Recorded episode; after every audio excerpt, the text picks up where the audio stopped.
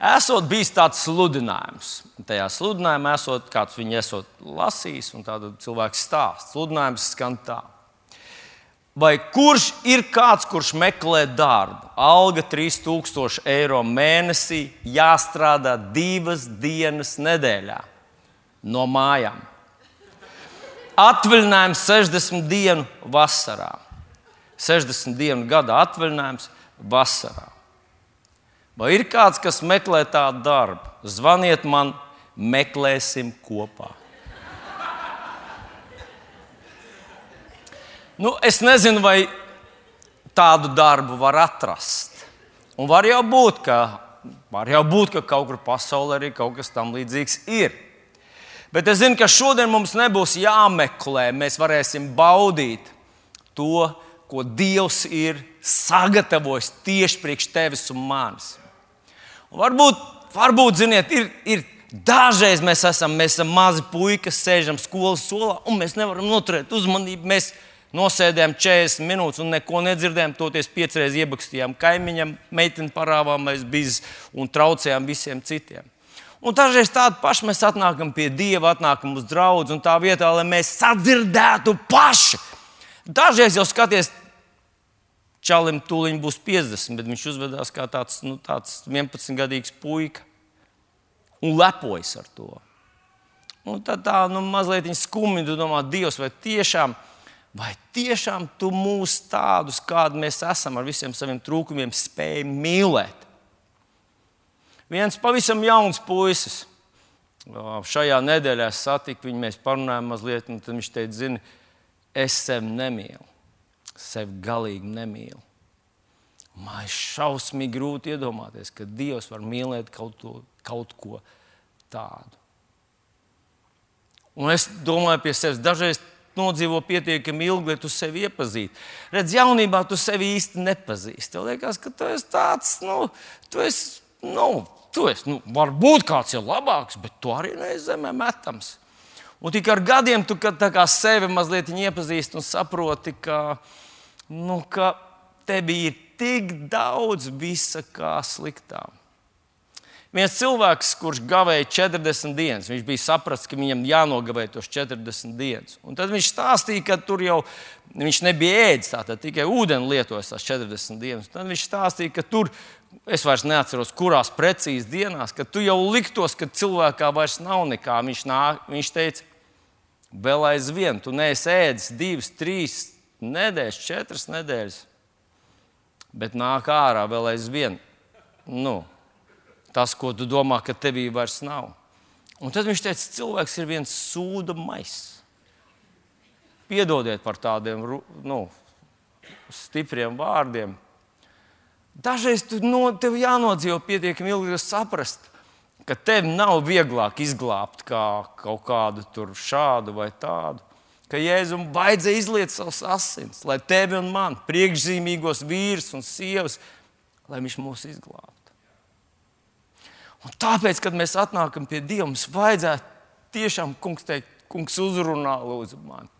Man to vajag. Raksturvieta, kur mēs iesāksim, kas tā varbūt būs tas, no, tas virsraksts un reizē tās galvenā vieta, ir uzrakstīta Marka Evanģelijā 9. nodaļā. Un 9. nodaļā tur ir stāsts, mēs varētu teikt, no kāda 16. panta līdz 24. Tur stāsts par tēvu, kuram bija ģimenē šausmīga problēma. Es lietošu šo vārdu. Viņam bija slims dēls. Tas dēls nebija vienkārši slims no kaut kā, nu, nu, nu, tā kā mēs varētu pieciest ar to sadzīvot. Viņš saka šeit, ka tam dēlam ir ka to dēlu bija kāds tāds nu, ļauns gars viņa ietekmē. Un ka ir tie brīži, kad tas gars viņu sakāp, sagriez, un tad tur viņa mocīja, un viņš ir kritis ūdenī un ugunī. Faktiski tas tēvs nevarēja dzīvot savu dzīvi un pilnvērtīgi nodoties kaut kam. Viņam visu laiku vajadzēja rats kaktiņu vērot to dēlu, lai viņu izglābtu. Un tas tā ir vilcies ilgi. Un tagad viņš atnāk pie Jēzus mācekļiem, un Jēzus mācekļi viņam nevar palīdzēt. Un tad viņš atnāk pie Jēzus. Viņš atnāk ar šo savu milzīgo problēmu. Nu, š, nu, nu, kā lai pasakā, es, es lasot šo stāstu, es redzu, ka tas tēvs vispār nešaubās, ka viņam jūt līdzi. Viņš nešaubās, ka cilvēks saprot, ka te nu ir, te nu ir tāds īsts izmisums. Un, ja kādam vajag palīdzēt, tad tas ir viņam. Viņš par to nešaubās. Es domāju, ka mēs arī par to nešaubītos. Bet es izlasīšu no 19. līdz 24. pantam, un tad mēs paskatīsimies, ko mēs varam no tā mācīties. Tad 19. pantā ir uzrakstīti Jēzus vārdi, kur viņš atbildēja un sacīja: Ak, tu neticīgā cilts! Cik ilgi es pie jums būšu un cik ilgi es jūs panesīšu? Vediet to pie manis. Un tie to atveda pie viņa. Un kad tas viņu redzēja, tad tas gars tūdaļ to raustīja, to pie, tas pie zemes kristams, putodams, vārtījās. Un viņš jautāja tēvam, cik ilgi viņam tas tā jau ir. Bet tas viņam sacīja no bērnības. Un daudzkārt viņš to ir iemetis gan ugunī, gan ūdenī, lai to nogalinātu. Bet, ja tu ko spēj, palīdzi mums, apžēlojies par mums. Un Jēzus uz to sacīja. Tu saki, ja tu spēj, kaut tu varētu ticēt. Tas visu spēj, kas tic. Un tūdaļ tā bērna tēvs brēc un sacīja, es ticu, palīdzi manai neticībai. Tātad cilvēks ar tādu neatrisināmu problēmu jau šodien, kur nu vēl tajos laikos, atnāk pie vienīgā, kas šo problēmu atrisināt varētu. Un viņš atnāk un nomet to kā tādu smagu nastu jēzum pie kājām. Saka, ja tu to vari, palīdzi, lūdzu. Un tas ir interesanti, ka Jēzus neuzņemās atbildību. Nesaka, es esmu Dieva mesija, es esmu dziedinātājs, es esmu pasaules radītājs. Nē, viņš šo atbildību atdod atpakaļ tēvam. Viņš viņam saka, kaut tu varētu ticēt. Kungs, šis pāns ir tas centrālais, pie kā šodien grib apstāties. Tad Marka 9,23. Jēzus saka, kaut tu varētu ticēt. Tas visu spēj, kas tic. Šo tas visu spēj, kas tic, es atstāšu citai reizei. Bet šodien gribu apstāties pie teikuma, kaut tu varētu ticēt.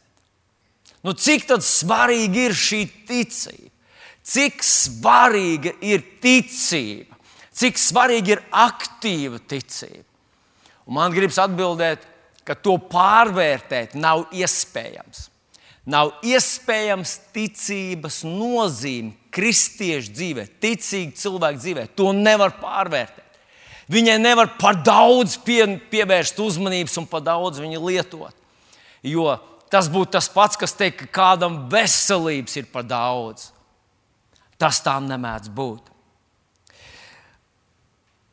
Ebreju vēstulītē 11. nodaļā, 6. pantā mēs lasām tādus interesantus vārdus. Bet bez ticības nevar dievam patikt. Tur būtu jābūt papildinātam tam tekstiņam no citiem tulkojumiem. Es to esmu redzējis. Tātad bez ticības nevar dievam patikt. Tam, kas pie dieva griežas, nākas ticēt, ka viņš ir un ka viņš tiem, kas viņu meklē, atmaksā. Tātad tiem, kas nāk pie dieva, nākas ticēt, ka dievs atmaksā tiem, kas viņu meklē, un ka dievs ir. Ievēro, bieži vien cilvēki drusku mēs palaidām to garām, ko tad raksts saka ka tad, kad mēs nākam pie Dieva par maz ar asarām, par maz ar nopūtām, par maz ar to, ka mans situācija ir šausmīga, ka mans izmisums ir nepārspējams, ka, ka es taču ne pie kā neesmu vainīgs, varētu kāds cilvēks teikt. Jēzus akcentē vēlreiz to, kaut tu varētu ticēt. Bez ticības tā tad nevar Dievam patikt, vai nevar izdarīt Dievu prātu.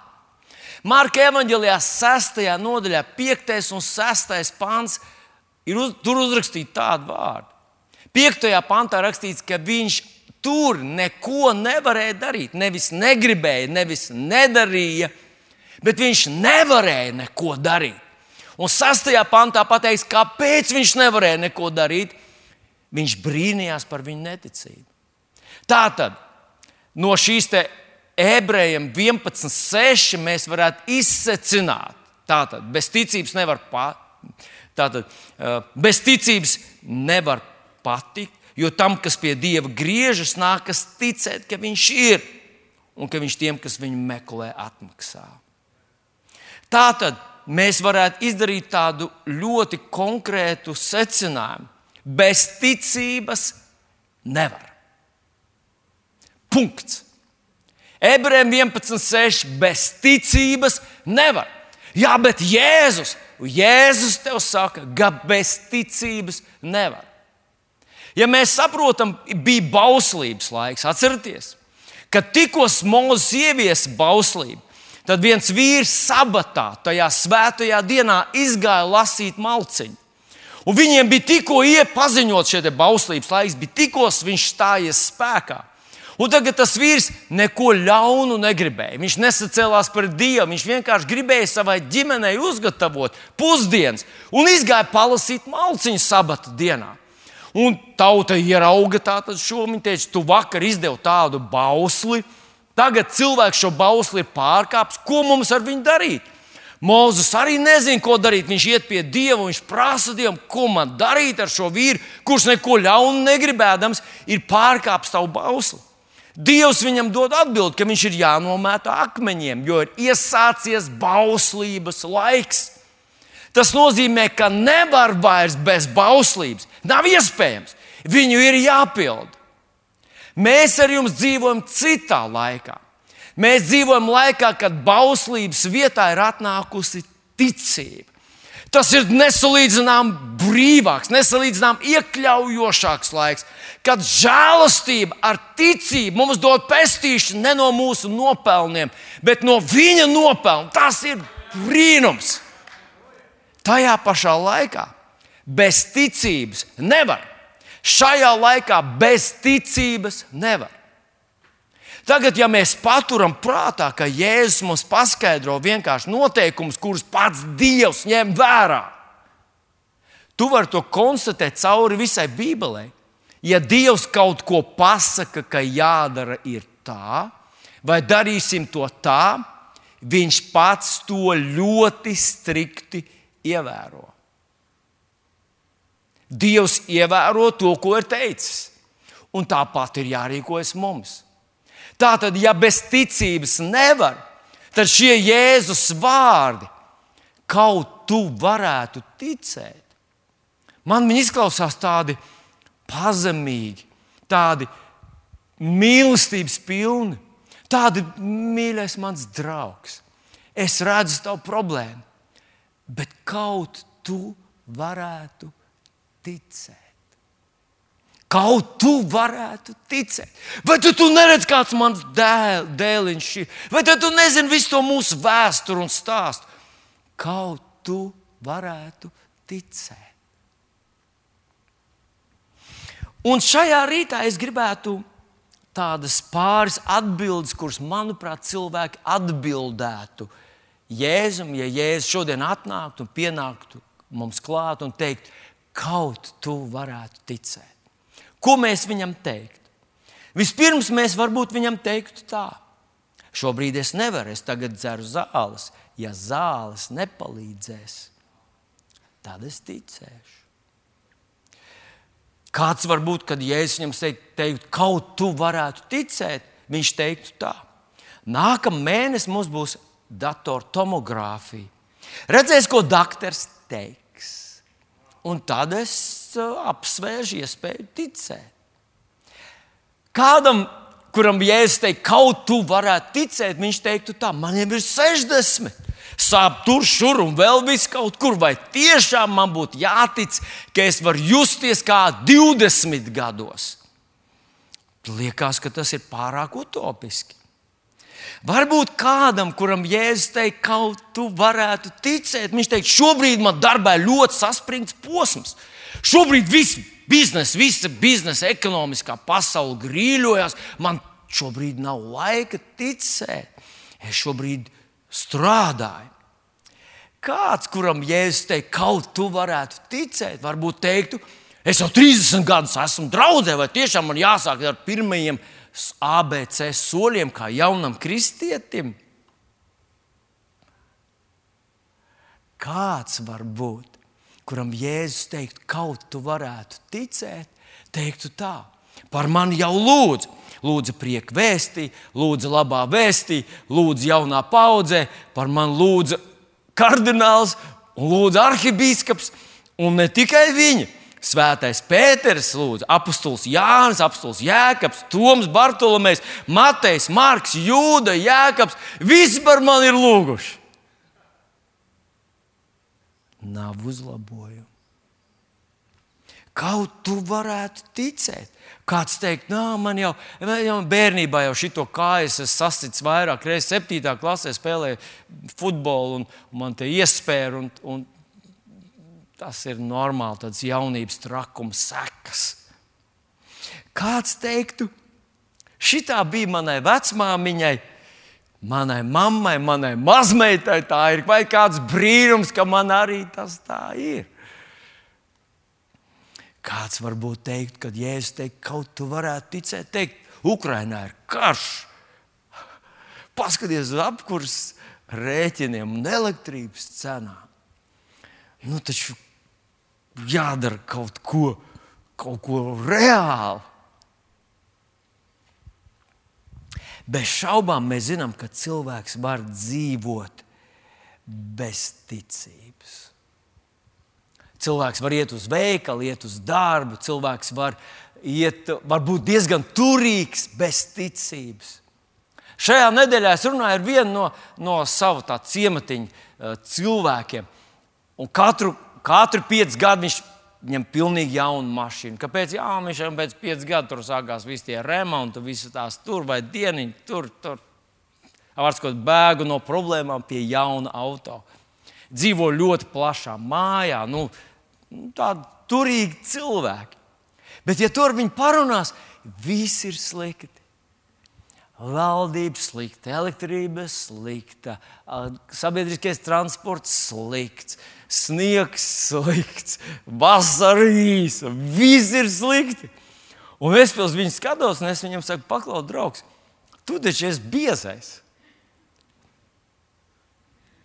Tas viņam, es saku, paklausies, ko lai saka vienkārši kāds cilvēks, kurš iet uz fabriku, nostrādā 8 stundas, nāk mājās, dzīvo vienistabas dzīvoklī ar trim bērniem, pieņemsim.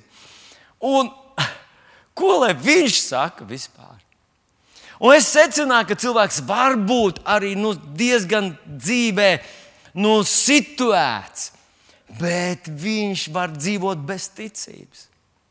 Redzi, bez ticības tu vari dzīvot, ja tev nav vajadzīga Dieva palīdzība.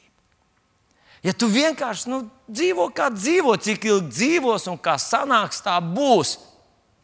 Bet, ja tu nāc pie Jēzus, ja tu nāc pie Jēzus, tad viņš saka, kaut tu varētu ticēt. Un zini, ko es gribu tev pateikt, ko viņš tev teikt? Vienalga, kāda ir tava situācija, cik gadu tev ir, cik smaga tava diagnoze, cik ilga tā ir, kur tu dzīvo, ar ko tu brauc. Pilnīgi vienalga, ja tu nāktu pie viņa, viņš tev teiktu, kaut tu varētu ticēt. Nu, bez šaubām, šodien mūsu laikmets ir tāds, tāds advokātu laikmets. Un esmu pārliecināts, ja daži no mūsu sabiedrības locekļiem, iespējams, no mūsu draudzes cilvēkiem, būtu tajā situācijā, tur, kur Jēzus runā ar šo tēvu. Viņa apstādinātu jēzu, paraut viņai stērbos, pavest viņu malā un tik neaizvainot cilvēku. Tur redz, viņam ir ticība. Viņš ir pie tevis atnācis, viņš ir runā uz tevi, viņš ir tev prasa. Vai ne? Vai jūs piekristu tam? Jā, mēs tā kā esam vēl jūtīgāki par Dievu. Mēs vēl smalkāk dvēseli pazinām par kungu jēzu. Un tāpēc, ja mācītājs saka, nu, tas basiņi raudiet, un māsīņa saka, kā mūs aizvainoja, atkal laikam jāiet citu draugu. Nē, taču.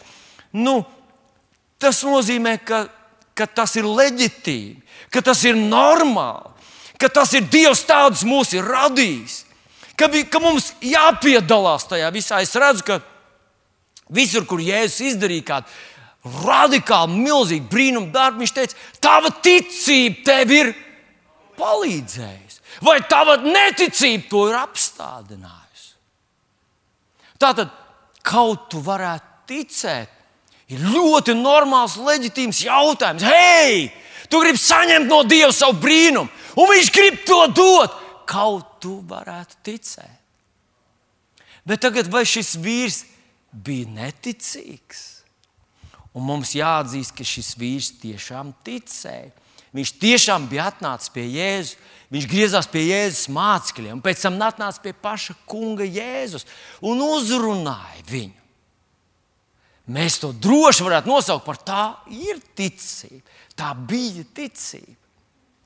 Bet es gribu šodien tev atklāt kādu milzīgu lielu noslēpumu. Ir cilvēka ticība un ir dievišķa ticība. Romiešiem pirmajā nodaļā, 19. pantā, apelsīns Pāvils raksta tādus vārdus, paklausieties uzmanīgi. Jo ko par Dievu var zināt, tas viņiem ir atklāts. Dievs pats viņiem to ir atklājis. Faktiski viņš runā par visas pasaules cilvēkiem, ka viņi zina, Viņiem ir atklāts, ka Dievs ir. Bet tas līdzīgi kā tu nevari pamodināt cilvēku, kurš izliekas aizmidzis. Tu saproti? Ja kāds izliekas aizmidzis, tu viņu nevari pamodināt. Viņš jau ir nomodā, viņš tikai izliekas aizmidzis. Tāpat tu nevari likt ticēt cilvēkam, kurš izvēlējies, ka negrib ticēt. Un pasaulē faktiski mēs varam sadalīt visu cilvēci. Tas varbūt izklausīsies pārāk vienkārši. Bet saskaņā ar rakstiem visa cilvēce ir sadalāma divās daļās. Vieni, kas izvēlas ticēt, tāpēc ka viņi saprot, ka Dievs ir, Un paskaties uz pasauli, paskaties uz zvaigznēm, paskaties uz visu to ideālo, skaisto līdzsvaru un harmoniju. Un tu saproti, ka tam visam ir autors. Un tas nav cilvēks, tas nav Einsteins. Tas ir kāda pārāka, super, transcendenta būtne. Dievs ir, to zina visi cilvēki. Bet ir cilvēki, kuri atsakās ticēt, viņi negrib ticēt. Un tam ir ļoti labs pierādījums pie Lācis kapa, ka Jēzus izsauc pēc trim dienām. Cilvēks ir miris. Jēzus viņu izsauc no kapa, tur ir cilvēki, kas saka, tā, nu tā, ko tad mums jānogalina arī Lācis. Jo tas ir pierādījums, ka Jēzus ir mesija. Viņi negribēja viņu pieņemt kā mesiju, un tāpēc nevarēja piespiest ne ar ko viņiem to izdarīt. Tā tad ir cilvēki, kuri negrib ticēt, un lai vai kas, viņi neticēs. Un ir cilvēki, kas pieņēmuši šo dievu atklāsmi, izvēlējušies ticēt savu cilvēcisko ticību. Vienu pastāstīšu kādu ilustrāciju. Manuprāt, ļoti spilgta ilustrācija. Negribētu, ka jūs to pārprastu. Uh, tas varētu būt jebkurš. Tas varētu būt jebkurš. Bet šī gadījumā tas bija viens mācītājs, kurš runāja uh, Latvijas rādio. Ja nemaldos, tas bija Latvijas rādio. Un viņš tāds žurnālists ar viņu runā par dievu lietām, un es klausos. Un, manuprāt, ļoti sakarīgi viņš runā par Jēzu, par glābšanu. Un man tāds, wow, malacis! Bet tas intervētājs nonāk līdz nu, interviju tuvojas beigām, tad viņš sāk uzdot kaut kādus personīgus jautājumus. Un viens no personīgiem jautājumiem tam cilvēkam bija tāds, tam mācītājam, kas ir jūsu lielākās bailes? Un te man atkārā ar žoklis. Jo viņš teica, manas lielākās bailes ir, ka tas, kam es ticu, izrādīsies nepatiesība.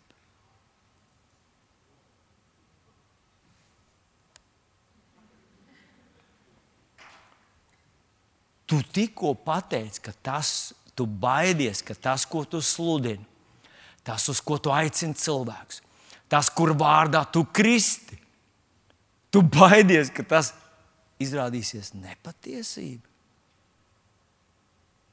Vai tā ir ticība? Mīļie draugi, un šeit man atnāca atklāsme, ka tā ir cilvēciska ticība. Cilvēciska ticība vienmēr atrodas uz tādas nelielas tādas šaubu robežas, jo mēs visu laiku izsveram kaut kādus jaunus argumentus, kurus dzirdam. Vienu dienu mēs pieņemam to, un tad nākamā dienā mēs kaut ko lasām, kaut kādus virsrakstīņus, un mums visu laiku, visu laiku viņa ir tāda, nu, viņa ir tāda nestabila. Vai tā ir tā ticība, par kuru Jēzus saka, kaut tu varētu ticēt? Un man, man, man par milzīgu gandarījumu es sāku sev citēt tās raksturvietas, kuras runā par to, ka tas tā nav. Nu, lūk, pirmā raksturvietiņa, kur es gribēju atgādināt, jums ir no 2. Pētera vēstules 1.1. Tātad pirmā nodaļa, pirmais pāns, kur Simons Pēters, Jēzus Kristus, kalps un apustulis Tiem, kas mūsu Dieva un Pestītāja Jēzus Kristus taisnībā dabūjuši to pašu dārgo ticību, kā mēs.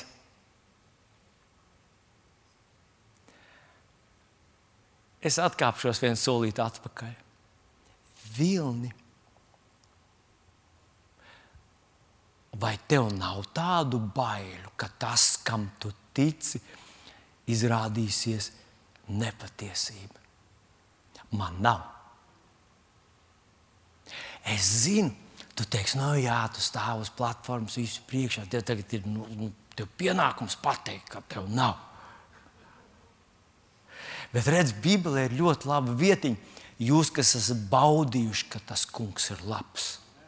Man ticība nesākās šodien, tā sākās 35, 40 gadus atpakaļ. Un, kā jūs zinat, man jau ir tuvu tu, tu 60. Tikai nu, aiz muguras, tuvu vēl aizvien. Es esmu piedzīvojis tik daudz vis visādu dievu apliecinājumu. Es tiešām varu piekrist tam puisim, kurš uzlīmē sev uz bumperu uzlīmi. Dievs ir, es ar viņu šorīt runāju. Jā, Dievs ir! Viņš ir man palīdzējis, viņš ir man izvedis, viņš ir tik daudz reižu manā dzīvē apliecinājies. Bet es tev teikšu, ar to arī vēl ir par īsu.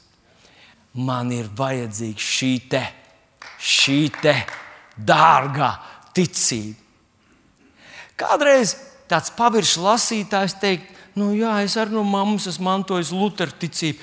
Mamma bija vecā, mamma bija Lutera Luterāni, e, man bija Luterāni. Es arī esmu mantojis to pašu, to pašu dārgo doktrīnu kopumu, to dogmu formulējumu mūsu baznīcā. Viņš te nerunā ne par katoļiem, ne par luterāņiem, ne par baptistiem, ne par vasaras svētku ticīgiem, jo toreiz tādu nebija. Bija Jēzus, un viņa apstuļi, kas pierakstīja Jēzus vārdus, kuriem svētais gars to lika uzrakstīt. Mēs ar tevi lasām nevis kādu cilvēku refleksijas par Jēzus vārdiem. Mēs lasām autentiskos tekstus. Fuh! Mēs lasām autentiskos Jēzus vārdus. Tā kā tāda nogaidoša piesardzība zālē jūtas. Jā, bet mēs nelasām to aramiešu valodā. Nelasām gan. Bet Jēzus teica, ka šis evanģēlijs tiks sludināts visām tautām. Tas nav iespējams izdarīt, ja to sludina aramiešu valodā. Tā kā Jēzus bija paredzējis, ka tas tiks sludināts latviešiem latviešu, igauniem igauniski, lietuviešiem lietuviski, krieviem krieviski, ukraiņiem ukrainiski. Mēs klausāmies viņa autentisko vārdu, Jēzus vārdā. Tas ir brīnums un brīnumaini. Bet mēs esam dabūjuši to pašu dārgo ticību, kas bija apstuļiem. Ievērojami, viņš te saka, ar mūsu pestītāju Kristus taisnībā. Taisnību mēs iegūstam tad, kad pieņemam Jēzu par savu kungu. Mēs atnācām pie viņa ar savu cilvēcisko ticību. Bet tajā dienā, kad mēs uzticējāmies viņam, kad mēs teicām, Jēzu, tu esi mans kungs, mēs esam ieguvuši savā krūtīs dievišķu ticību, to pašu dārgo ticību. Halleluja! Nu, paskatīsimies vēl dažas rakstvietiņas, un tā nākamā ir no pirmās Pētera vēstules, pirmās nodaļas. Septītais pāns lai jūsu pārbaudītā ticība, kas ir daudz vērtīgāka nekā iznīcīgais zelts, kas ugunī tiek pārbaudīts, izrādītos teicama, slavējama un godājama, kad Jēzus Kristus parādīsies. Nu, šis, ir, šis ir koncentrāts. Vispirms, droši vien, kad mēs lasām to lielo faktu, kad mūsu ticība būs redzama, kad Jēzus Kristus parādīsies. Mums tā ir vajadzīga ne tikai līdz kapam. Mums ir vajadzīga šī ticība. Viņa nepazudīs, viņa neatstās mūs, viņa neaizies. Jo mēs neesam saņēmuši bailības garu, mēs esam saņēmuši spēka, mīlestības un savaldības garu. 1. Timotejam 1,7. Mēs esam, tāpēc tev nav jājautā un jāskatās man dziļi acīs, vai tev nav bailes. Man nav bailes! Un tev arī nevajadzētu. Bet tā tad ticība, kas ir pretēji iznīcīgiem zeltam, ir neiznīcīga. Te ir tā, tā lielā lieta, otra lieta, ka ticība ir vērtīgāka Tava ticība ir vērtīgāka nekā iznīcīgais zelts. Un zelts, kā mēs zinām, ir ļoti stabils ķīmisks elements. Tomēr tas šeit tiek nosaukts par iznīcīgu zeltu. Mūsu ticība ir neiznīcīga. Nu, daži šajā pantā saskata to it kā tādu domu, ka Dievs sagādā mūsu dzīvē vis visādas kolīzijas, lai nu pārbaudītu mūsu ticību. Tātad Dievs ir visu nelaimju autors, un Viņš to dara tāpēc, lai norūdītu un pārbaudītu mūsu ticību. Tas ir tāds tradicionāls, tradicionāls traktējums šim pantam. Bet, ja nu šis pants nesaka šo domu, ja nu šis pants saka kādu citu domu, paklausies manu versiju. Ja nu šis pants saka, ka pat iznīcīgais zelts spēja iziet cauri ugunī, un nepazust un nesabojāties. Cik daudz vairāk mūsu ticība, kas ir neiznīcīga un dārgāka par iznīcīgo zeltu, izvedīs mūs cauri vai izies ar mums cauri visiem pārbaudījumiem. Un, manuprāt, tas ir tieši tas, ko šis pants saka. Tā ticība, ko mēs esam saņēmuši no Dieva, tā nav tāda maza šaubīga. Viņa varbūt rīt mūs pametīs Nē, tas ir kaut kas monumentāls, kaut kas stabils, kaut kas tik drošs, ka tas mūs var izvest cauri, kā Sadraka, Mezaka un Abednego, cauri uguns krāsnī un visādiem pārbaudījumiem. Tā tad dievišķa ticība. Bet paskatieties vēl kādu interesantu pantu. Tas ir Jūdas vēstule 1,20, kur apustulis Jūda raksta sekojošos vārdus. Bet jūs mīļotie, stiprinādāmies visu svētākajā ticībā. Lūdziet Dievu svētajā garā. Tas nozīmē, ka tad, kad mēs ar tevi lūdzam mēlēs, kad mēs lūdzam garā, mēs stiprinamies nevis tajā cilvēciskajā ticībā. Iespējams, ka argumenti mūsu galvā nepienāk klāt. Tie ir tie, kurus nu, mūsu loģika un dvēselīte drudžaini meklē. Jo, ja mēs neļausim savai dvēselē pieķerties pie klints, un par to mēs tūlīt parunāsim, ja mēs tai ļausim pieķerties tikai pie tā cilvēciskās ticības, tad mēs visu laiku jutīsimies kā purvā. Bet, ja mēs uzticēsimies tai ticībai, kur Dievs mums ir devis, kas ir neiznīcīga, kas ir dārgāk par iznīcīgo zeltu, un mēs lūdzam Dievu svētajā garā, mēs stiprinamies šajā dievišķajā ticībā. Un mūsos atnāk miers un pārliecība. Un te nu es jums gribu pateikt, ka esmu absolūts pierādījums tam, ka tajos grūtajos brīžos, tad, kad vēja un vētras sāk pūst, un zibeņi sāk, un kad tu skaties apkārt no savas mazās lidmašīnas, tur apkārt viss vētras un zibeņi, un tu domā, nu ir cauri, sāc lūgt garā. Nevis vienkārši kaut ko bubināt, bet ieguldies tajā, atraisies tajā, ļaujies svētajam garam. Un tu konstatēsi, ka pēc pusstundas vai pēc stundas, vai pēc divu stundu lūkšanas garā. Oh, tu esi atkal uz klints, un viss apkārt ir vētra, bet te, kur tu stāvi, ir miers. Tā tad ir dažādas ticības, bet dievišķa ticība ir vissvētākā ticība. Un tagad aiztur elpu. Romiešiem 10, 17. Jo ticība nāk no sludināšanas, sludināšana no Dieva vārda. Nu, mazliet neveikls teikums, kā mēs varētu veiklāk pateikt, ka ticība nāk no Dieva vārda sludināšanas. Kur es iegūstu ticību?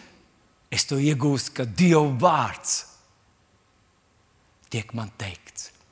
Kad es to saku, es īstenībā daru milzīgu svētīgu darbu šobrīd. Es ģenerēju tavā dvēselē, es ģenerēju, aktivizēju tavā sirdī ticību.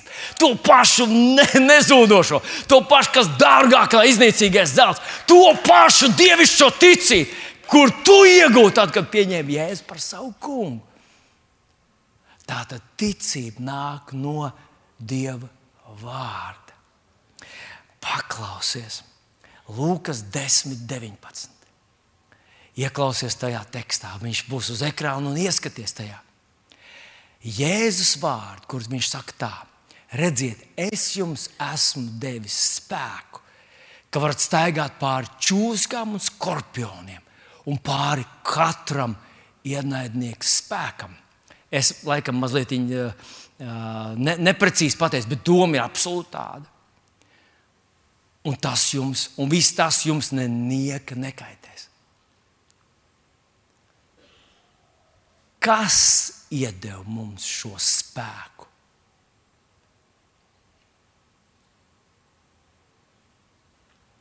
Kas mums iedeva šo spēku?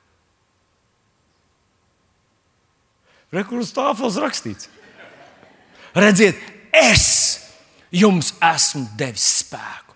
Kas ir es? Vilnis, ne, Jēzus, Jēzus. Es jums esmu devis. Bet te ir, te neviens vārds nav liekas. Tev tas ir jāierauga, ka viņš tev to ir iedevis. Bet vēl, lūdzu, pasako man līdzi, lūdzu, neatslēdzies, neaizpeld kaut kur tālāk. Mēs visi zinām Jāņa evanģelī pirmo pantu. Iesākumā bija vārds, un vārds bija pie Dieva, un vārds bija Dievs. Tas bija iesākumā pie Dieva, caur viņu viss ir radies, un bez viņa nekas nav radies, kas ir radies. Varbūt nav simtprocentīgi precīzi, bet doma ir tieši tāda. Iesākumā bija vārds, vārds bija pie Dieva, un Dievs bija vārds. Romiešiem 10, 17 mēs tikko uh, lasījām, ka no vārda nāk ticība. Bet Jēzus saka, es jums esmu devis spēku. Tagad Jāņa evanģēlī pirmā nodaļa atslēga uz visu. Iesākumā bija vārds, vārds bija pie Dieva, un Dievs bija vārds. Ar viņu viss radies, un bez viņa nekas nav radies, kas ir radies. Mēs turpinām lasīt, lasīt, lasīt, līdz mēs nonākam līdz 12. pantam, kur vēl aizvien ir runa par to pašu vārdu. 12. pantā rakstīts, un viņš nāca pie savējiem, bet tie viņu neuzņēma. Tātad, kas tad mums dod to ticību? Tas ir Dieva vārds, tas ir pats Dievs. Wow! Tas nozīmē, ja bez ticības nevar, tas nozīmē, ka bez Jēzus nevar. Tas nozīmē, ka bez vārda nevar. Tas nozīmē, ka bez ticības ir bez Dieva. Ja es gribu vienkārši tāpat nu, kā reliģisks cilvēks, es nāku uz dievkalpojumu, es sēžu, es daru kaut kādas tās, tās parastās lietas, es nesmēķēju, nedzeru, nepārkāpu laulību, nu, es nemeloju vienmēr, es, nu, es nu, visumā es pārkāpju ātrumu tikai tad, kad var pārkāpt, kad nav policijas, es, es nedomāju ļaunu, tad, kad nu, mani dzird manas domas. Tā, tā, nu, es esmu samērā labs cilvēks. Es negribētu ticēt faktiski šie jēzus vārdi ir vai nu ar manīm, kaut tu varētu ticēt, tad mēs esam kopā. Tad tu man iesaisti. Vai ja tu vienkārši tā kā parasts cilvēks, tā var, bet tad mēs neesam kopā. Wow! Iesākumā bija vārds, un tas bija Dievs. Un caur vārdu man nāk ticība. Un tāpēc es saprotu, ka bez ticības nevar, jo nevar bez vārda. Un tad, kad es esmu bez vārda, es esmu bez Dieva. Nu, paklausies vēl, Jānis, līdz 14. Tu jūti, ja? kādā vietnē, ja es teicu, es esmu dzīvības maize. Tas, tas ko mēs nu, ēdam šorīt, jūti, maizīt, ja? svaigi cepta. Aha, ir kalorijas. Tur, kas tur vēl bija par visām tām šķiedrvielām, kas tur vispār ticības enerģija. Tur pf, pats tu, tu, es skatos, tu divreiz garāks esi palicis garīgi. Jāņem līdz 14. tā nodaļa. Tie ir vienkārši, vienkārši dinamīts, Jēzus vārds, 10. un 11. pants. Vai tu netici, ka es esmu tēvā un tēvs ir manī? Tas ir tas pats vārds, kurš bija pie Dieva un ir Dievs, kurš atnāca pie mums. Vai tu netici, ka tēvs ir manī un es esmu tēvā? Kuru daži uzņēma, tie, kas uzņēma, tie dabūja varu. Tie dabūja, kā Lūkas 19, 1, mm, Lūkas 10, 19. Redzēs, jums esmu devis spēku. Staigāt pāri čūskām un skorpioniem, pāri katram ienaidniekam spēkam, tas viss jums nenieka nekaitēs. Tie, kas viņu uzņēma, tie, tie to dabūja. Bet bija, kas viņu neuzņēma. Tie bija reliģiozi cilvēki. Tie bija tie, kas jau varbūt 30 gadus ir draudzē. Viņiem kaut kā liekas, ka tas ir tāds jauns kristiešu nodarbības, kur ticu, es apliecinu, es tur skatos uz jēzu. Nē, tas ir tā dzīvība. Tāda, bet ko? Vai tu netici, ka es esmu tēvā un tēvs ir manī vārdus, ko es jums saku? Es nerunāju no sevis paša, bet tēvs, kurš pastāvīgi ir manī, dara savus darbus. Kā Dievs dara savus darbus? Viņš dara savus darbus caur vārdiem. Dievs savus darbus dara caur vārdiem, kurus Jēzus mums ir pateicis. Mums tie ir uzrakstīti Bībelītē. Mēs varam atvērt viņus vaļā. Mēs varam lasīt Jēzus vārdus, uzticēties, meditēt par viņiem, palikt viņos. Tas ir labākais, kas Dievam ir. Tātad Tēvs, kurš pastāvīgi ir manī, dara savus darbus. Un tad šo 11. pantu es gandrīz dzirdēju Jēzus balsi, kur viņš tādā, nu, tādā, ne, ne tādā, ne, bet tādā, nu, nu, tādā nopietnībā. Ticiet man, ka es esmu tēvā un tēvs ir manī. Tic man, ka tie Bībeles vārdi nav vienkārši liturģija, nav vienkārši garīgi teksti. Tie nav vienkārši burbuļu sakopojums. Tas nav vienkārši kāds tur onkulis pirms 2000 gadiem uzrakstīja. Ticiet man, ka es esmu tēvā un tēvs ir manī. Bet, ja nē, tad vismaz šo darbu dēļ ticiet. Lūdzu, tas ir tas pats lūgums, kurš Jēzus izteica tam tēvam. Kaut tu varētu ticēt. Mans mīļais brāl un māsa, es zinu, ka tev arī ir kaut kas, ar ko tu cīnies. Zinu, ka tev ir vieta, kur vēlams tev uzbrukt. Es zinu, ka tavā vietā dzīvē ir šaurās vietas, un ka tev ir uzbrukumi, tev ir kaut kādas personīgas īpatnības, kas varbūt ir lielas īpatnības. Varbūt tu pats ar viņām sarādz, varbūt tu sevi ienīsti savu īpatnību dēļ. Es nezinu. Bet es zinu, ka viena atbilde tev ir, un tā ir Jēzus vārdi. Ja tu tos pieņem, ja tu tajos dzīvo, tev būs tā dievišķā ticība ar kur Pēters raksta 1. pētera vēstulē, 5. nodaļā, viņš stāvat pretī vēlnam, stipri ticībā. Tā nav vienkārši tāda cilvēciska poza, ej, projām, es tev sadošu. Vēlnam smieklu nāk par mūsu cilvēciskajām, tām dvēseliskajām emocijām, kaut kā dūrītēm un vēl vis kaut ko. Vienīgais, kas viņam ir neapturams, nesalaužams, neapstādāms, briesmīgs spēks, ir Dieva ticība, Dieva vārds tevī, kur tu runā pret viņu, kas dzīvo tevī. Halleluja! Ah, ah, ah. Ticiet man, ka es esmu tēvā un tēvs ir manī. Un šajā rītā es gribu nodot tev divus pantus. Tev, tavai dvēselē, tu tos paņem pretī. Tā it kā Jēzus tev tos teiktu. Ļoti stipri vārdi. Mateja evanģelijas desmitā nodaļa, pirmais pāns un pieaicinājis savus 12 mācekļus. Viņš tiem deva varu pār nešķīstiem gariem tos izdzīt un dziedināt visas sērgas un slimības. Es tev saku, kā tā kungs sūtīts pravietis. Un pieaicināja savus 12 mācekļus. Viņš tiem deva varu pār nešķīstiem gariem tos izdzīt un dziedināt visas sērgas un slimības. Ievēro, ka Jēzus nenostājās uz, uz kalnu, kur viņš teica savu kalnu sprediķi. Viņš neteica, tur redziet, es jums esmu devis spēku, varat staigāt pār čūskām un skorpioniem. Nē, viņš tur to neteica. Kam viņš to teica? Viņš teica 12 mācekļiem. 12 mācekļiem. Vai tu tur esi viņu vidū? Man bija gadi, kad es Dievam jautāju šo jautājumu. Dievs tur ir konkrēts saraksts, tur ir konkrēti 12 vārdi. Vai es tur esmu, vai es tur esmu? Ja tur būtu uzrakstīts Jēzus 13 mācekļi, uz pēdējais starp viņiem būtu vilnis glezniecības, es teiktu, jā, es esmu. Bet tur nav. Un vienā dienā svētais gars man uzrunāja. Viņš aicināja visus, kas viņam bija tajā mirklī mācekļus. Mācekļus. Ne skatītājs, ne atbalstītājs. Jāņem ģeļi 8. nodaļā, 31. pantā, man liekas, Jēzus saka tādus vārdus jūdiem, kas bija sākuši viņam ticēt. Ja jūs paliekat manos vārdos, jūs patiesi esat mani mācekļi. Kā es zinu, vai es esmu tajā Mateja evanģēlijā, desmitās nodaļas, pirmajā pantā, saicinājis savus 12 mācekļus, saicinājis visus savus mācekļus.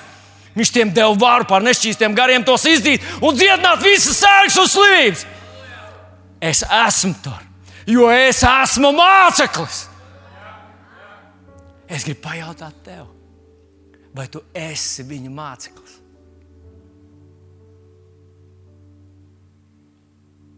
Tu saki, jā, tur tā teoloģija tik sarežģīta. Nekāda sakara ar teoloģiju nav. Tas ir vienkārši Jēzus vārds, kas uzrakstīts Bībelītē, kurus tu paņem, kurus tu paņem savā dvēselē, kurus tu nesā savā sirdī. Viņa vārdi, kas tevi izmainīs, kas tevī pacels ticību. Un tev nebūs jāsaka, man jau 60 gadi.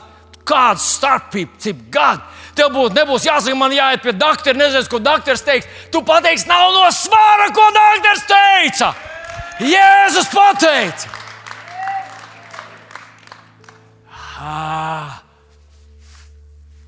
Bet es gribu iedot vēl otru pantu, kur jau tu jau dzirdēji šodien. Tev. Es to iedodu tev. Es ieteiktu tev to uzrakstīt, uz, uzlikt savā mašīnā, uz, uz priekšā uzlikt. Es nezinu, kur tu visbiežāk skaties. Kur tu visbiežāk skaties? Uzliek telefonu, lai tur ir tie panti. Spogulī, jā, ļoti labi. Uzliek pie spoguļa, tā lai nevar redzēt, kur tur, kur, kas tur ir ar matiem. Lūkas 19. Lūkas 10, 19. Redziet, ieraugsēt, es jums esmu devis spēku, ka varat staigāt pāri čūskām un skorpioniem.